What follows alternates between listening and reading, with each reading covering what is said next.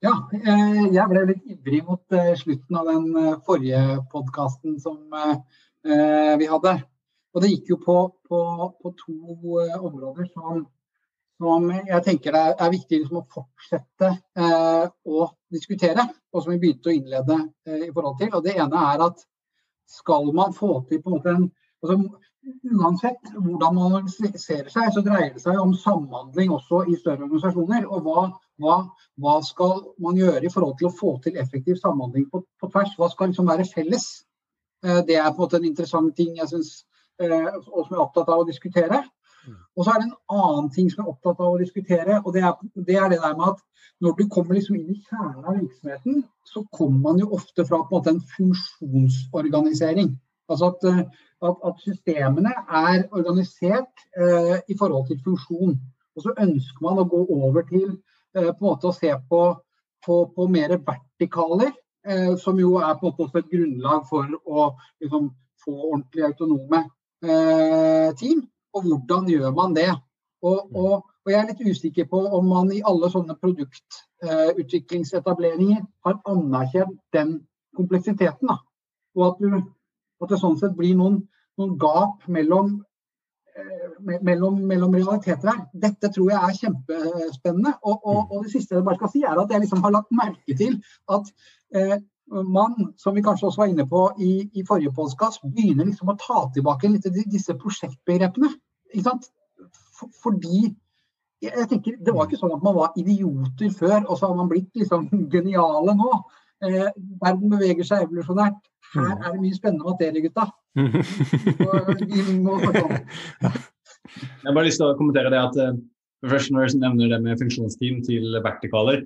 Uh, det er vel måte, mer eller mindre det samme som å måte, gå fra komponentteam til feature teams eller produktteams-ish type ting som vi bruker i dag. Så liksom, det er lett snakk litt om. Sånn. Men det som er interessant, tenker jeg er eh, det er veldig veldig kult dersom man kommer til et stadie hvor man har veldig mange produktteams eller vertikaler som klarer å operere måte, separat, operere independent av hverandre. Fordi man ikke har den eller Man klarer å løse opp de avhengighetene, unødvendige avhengigheter. Men det virker egentlig som om man har måtte, tatt et hopp, da, ved at man egentlig hopper fra en legacy-verden hvor man har masse systemer som er måte, avhengig av hverandre. Og så tenker man at organiseringen vår skal ikke være det. Organiseringen vår skal være autonome produktteam som skal operere vertikalt helt, helt, ned. Og som har egentlig bare glemt av at systemporteføljen vår er ikke sånn. Mm.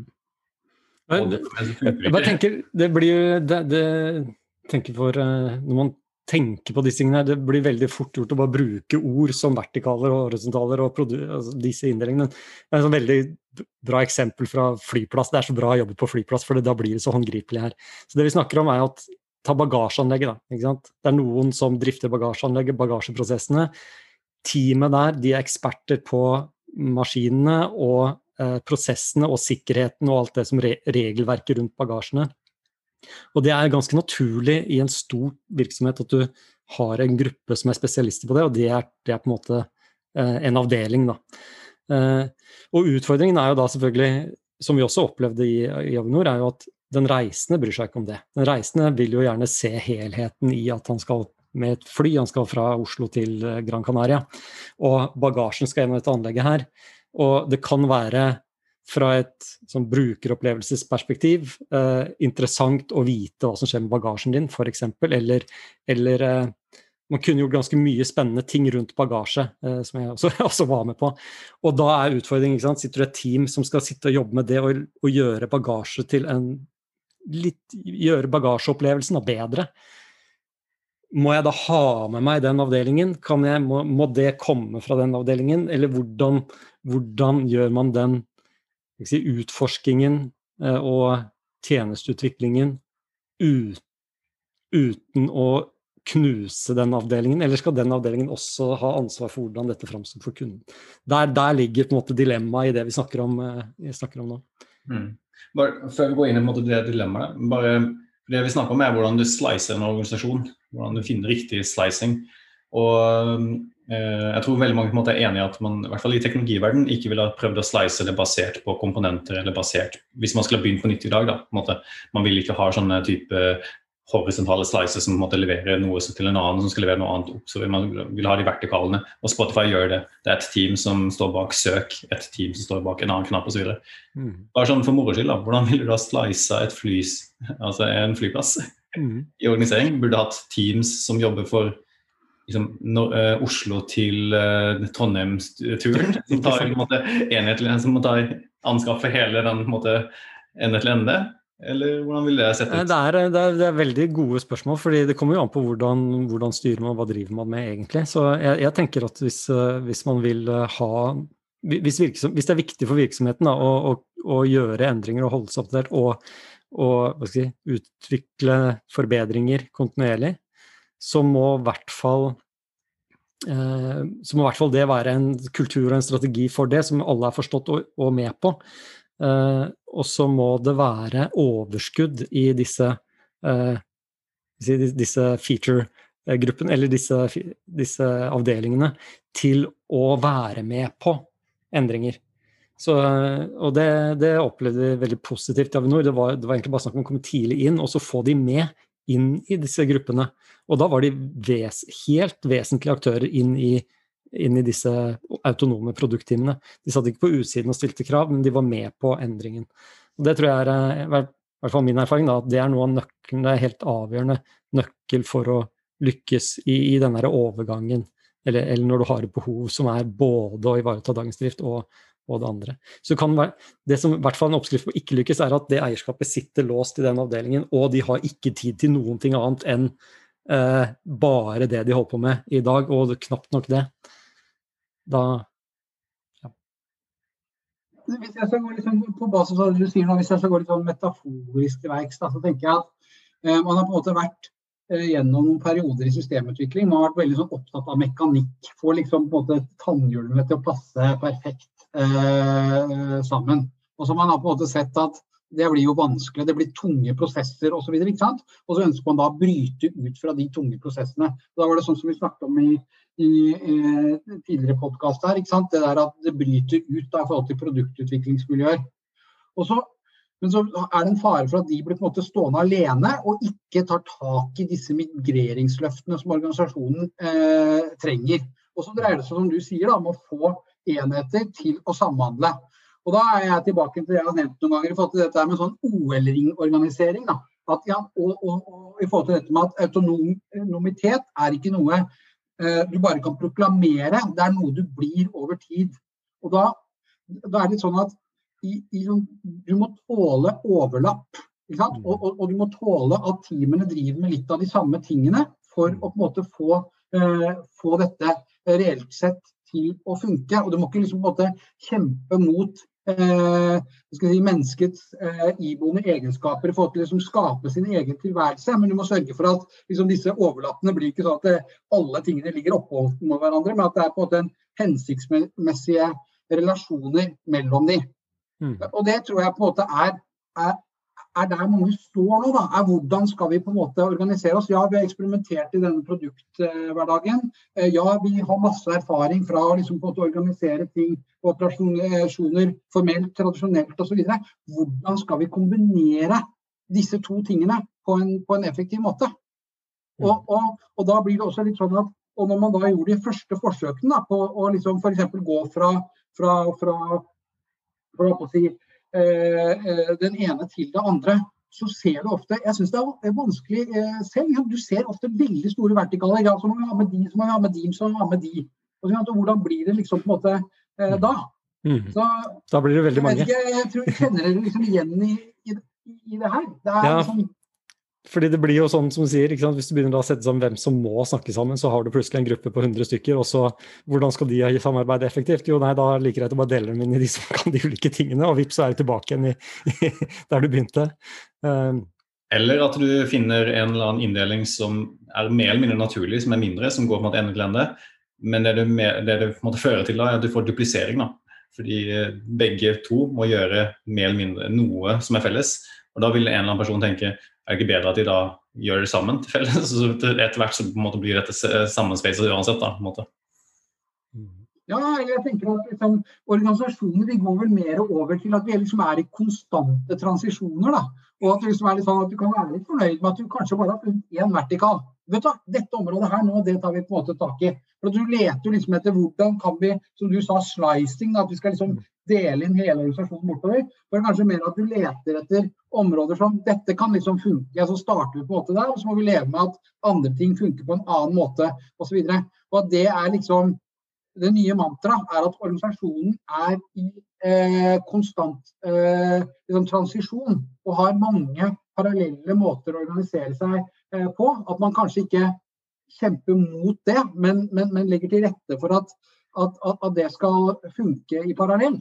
Og da er jeg litt tilbake til at da tror jeg fortsatt at liksom, det kommer tilbake dette her med, med, med liksom koordineringsledelse, prosjektledelse og litt sånn også den biten. Ikke bare coaching i forhold til å få disse tingene til, og, disse teamene, produktteamene til å samhandle på en god måte. Men at av og til så er det noen som må gå inn og bare kalle en spade for en spade og si liksom Nå, gjengen, skal vi hit. Mm.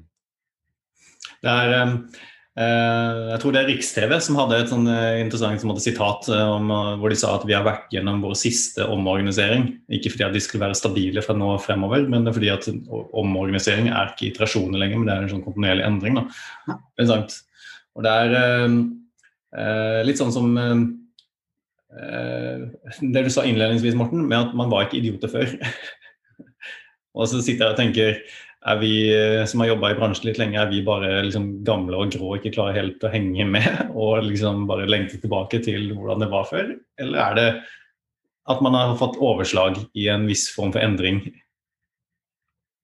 Jeg, jeg tror kanskje altså, det kommer jo veldig an på hvor man er. Så, det, så it depends, liksom. Det er jo sånn det, sånn det, alltid er. Men jeg tror at for å få til, jeg tror det er viktig for å få til endring at det blir litt overslag eh, til tider. For det skaper en oppmerksomhet rundt den endringen. Men så tror jeg som jeg tror sånn at early movers, liksom, eh, ja, de som er først, de er nok best egnet til å liksom skape attention på en problemstilling.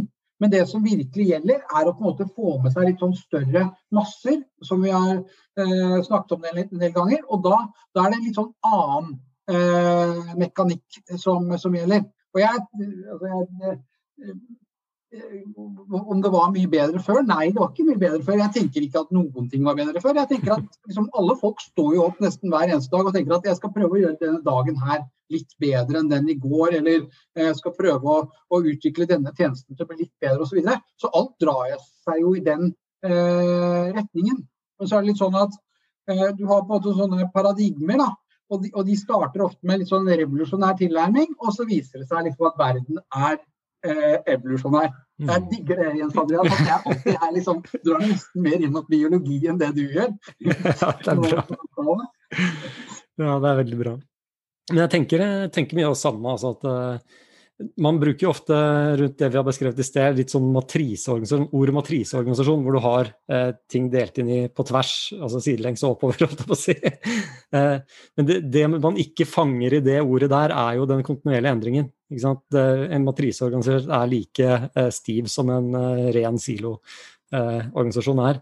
Så og så tror jeg det er viktig å tenke Hvorfor skal man være smidig, hvorfor skal man være autonom? Jo, grunnen er at man veldig ofte får avhengigheter av hverandre som gjør at det blir veldig mye overhead.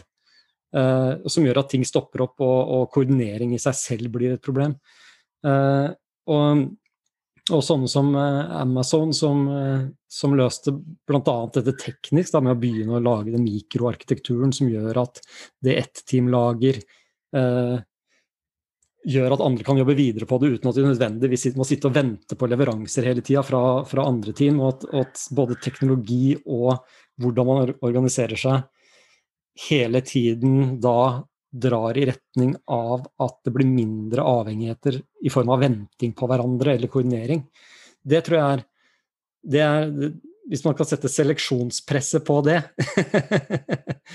så har man eh, eh, og så tar man utgangspunkt i det man har, og så gjør man eh, si, mutasjoner. og drar seleksjonspress i retning av, eh, av, eh, mer eh, smidighet og mindre avhengigheter. Så kanskje det er bedre ord, da, istedenfor å snakke om autonomi og, og frihet og sånt, men, men, i hvert fall reduksjon av avhengigheter er veldig, veldig viktig. Mm. Kult. Det som også er veldig interessant, da, er uh, med tanke på Conways lov, at en organisasjon pleier å levere produkter som samsvarer med organiseringen internt i organisasjonen. Da. Hva er riktig måte å begynne å slice organisasjonen til å bli mindre avhengig av hverandre? Er det å begynne å endre på organiseringen, eller er det riktig å begynne å endre på produktporteføljen? Eller IT-systemene? Der, der har jeg lyst til å snakke om litt sånn opplevelsen på hjemmebane da, i Beck i forhold til hvordan vi f.eks. organiserer fagarbeidet eh, vårt. Det, det, føler jeg som relevant. Beck er en matriseorganisasjon. Vi, liksom, eh, vi tilhører for så vidt samme avdeling, men vi er jo eh, rent sånn organisatorisk, men vi er jo ikke samme faggruppe, eh, noen av oss, så, så vidt eh, meg bekjent. Og måten vi da organiserer disse faggruppene på, i forhold til at vi er jo et selskap med et høyt faglig fokus, det er jo at vi har noen basisfaggrupper som vi skal på en måte, i hvert fall som er litt sånn vedvarende, altså, som går over litt flere år. Og så har vi en veldig sånn knoppskytingsprosess hvert eneste år, der nye faggrupper dukker opp. Og Måten det skjer på, er jo at eh, faggruppeledere pitcher inn faglige initiativer. Og det er det vi tror på at uh, uh, vil fortsette å gjøre oss relevante. Så vi har liksom den soliditeten i, i, i bunn eh, i form av disse faste faggruppene. Vi har også en tilhørighet rent sånn avdelingsmessig. Og så pusher vi innovasjon i disse eh, nye faggruppene som, som popper opp. Klart, det, Dette blir liksom litt enklere enn kanskje en, en, en, en, kjempestor organisasjon som står overfor liksom fundamentale virksomhetsproblemstillinger. Men det, det, peker på en type organisering som jeg tror vil funke for ganske mange. Ja. Mm. Det som eh, Vi må begynne å avrunde snart, men det som er interessant da, med den analogien, er at eh, gud, så mye prosess det er i faggruppearbeidet vårt som, eh, for å få det til å funke. Og det er akkurat det du sier, Martin, at du trenger en del prosess for å få det til å måte, rulle og gå, måte, så man ikke klarer å bare organisere seg ut av, uten at det skal være en viss form for fellesskap her. Og det andre er, eh, det er eh, Eh, det er en liten forskjell da, er at faggruppene våre har veldig lite, vandre, veldig lite avhengig av hverandre. Det er veldig sånn softe avhengigheter. Det er på en måte ikke noen harde avhengigheter. Det er ingen faggruppe som står stille hvis en annen faggruppe står stille. på en måte. Og det er litt sånn annerledes, tror jeg, hvis, eh, i, eh, i liksom produktutvikling hos store selskaper definitivt. Så, men, bare, men, men, sånn konseptuelt da, så, så, så, tenker jeg bare at uh, det viser til en måte å tenke på. Og så må jeg bare si til deg det, og det er at prosess må til. Vi klarer ikke å komme dit den Altså når, når, vi snakker om på en måte store, større komplekse ting, så tror jeg at det blir for komplisert om man skal diskutere alt, og alt skal være bevegelige deler. Så da er vi tilbake til at vi må enes om noe. Og en av de tingene Eh, som man kan enes om, er f.eks. noen basisting i forhold til prosess, hvordan man uttrykker seg osv. For det er gud bedre vanskelig nok å innovere og henge med på produktutviklingen. Og Hvis du da i tillegg skal liksom eh, gjøre dette på alle nivåer. Eh, så jeg tror de som er prosesssterke, eh, er de som vinner frem. Og jeg tror også at de snakker litt lite om det, for man er veldig opptatt av de andre aspektene i forhold til, til, til, til disse store amerikanske selskapene osv. Men jeg tror de faktisk også til en viss grad kjennetegnes at de har altså liksom, en, eller annen liksom, disiplinær tilnærming til ting også. Men den er kanskje ikke så interessant å snakke om i på en måte, den visjonære eh, produktutviklingstankegangen. Men man trenger prosess for å få til uh, ting til å bli skikkelig bra. Mm. Enig. Fikk jeg lyst til å dra praten videre, men da er vi plutselig inne i fire nye episoder. Eh, særlig en Team of Teams og hvordan Forsvaret gjorde samhandling der. Det er, det er mye å snakke det er, det er, mye å grave videre her. Mm. Vi avrunder der, setter eh, strek. Takk for praten. Takk. Takk for praten, ja. Drypp er en lavterskelpodkast fra Beck, hvor vi diskuterer diverse temaer som interesserer oss. Og Hvis du har et tema som du har lyst til at vi skal snakke om, eller du vil være med på en innspilling, ta kontakt på drypp.beck.no.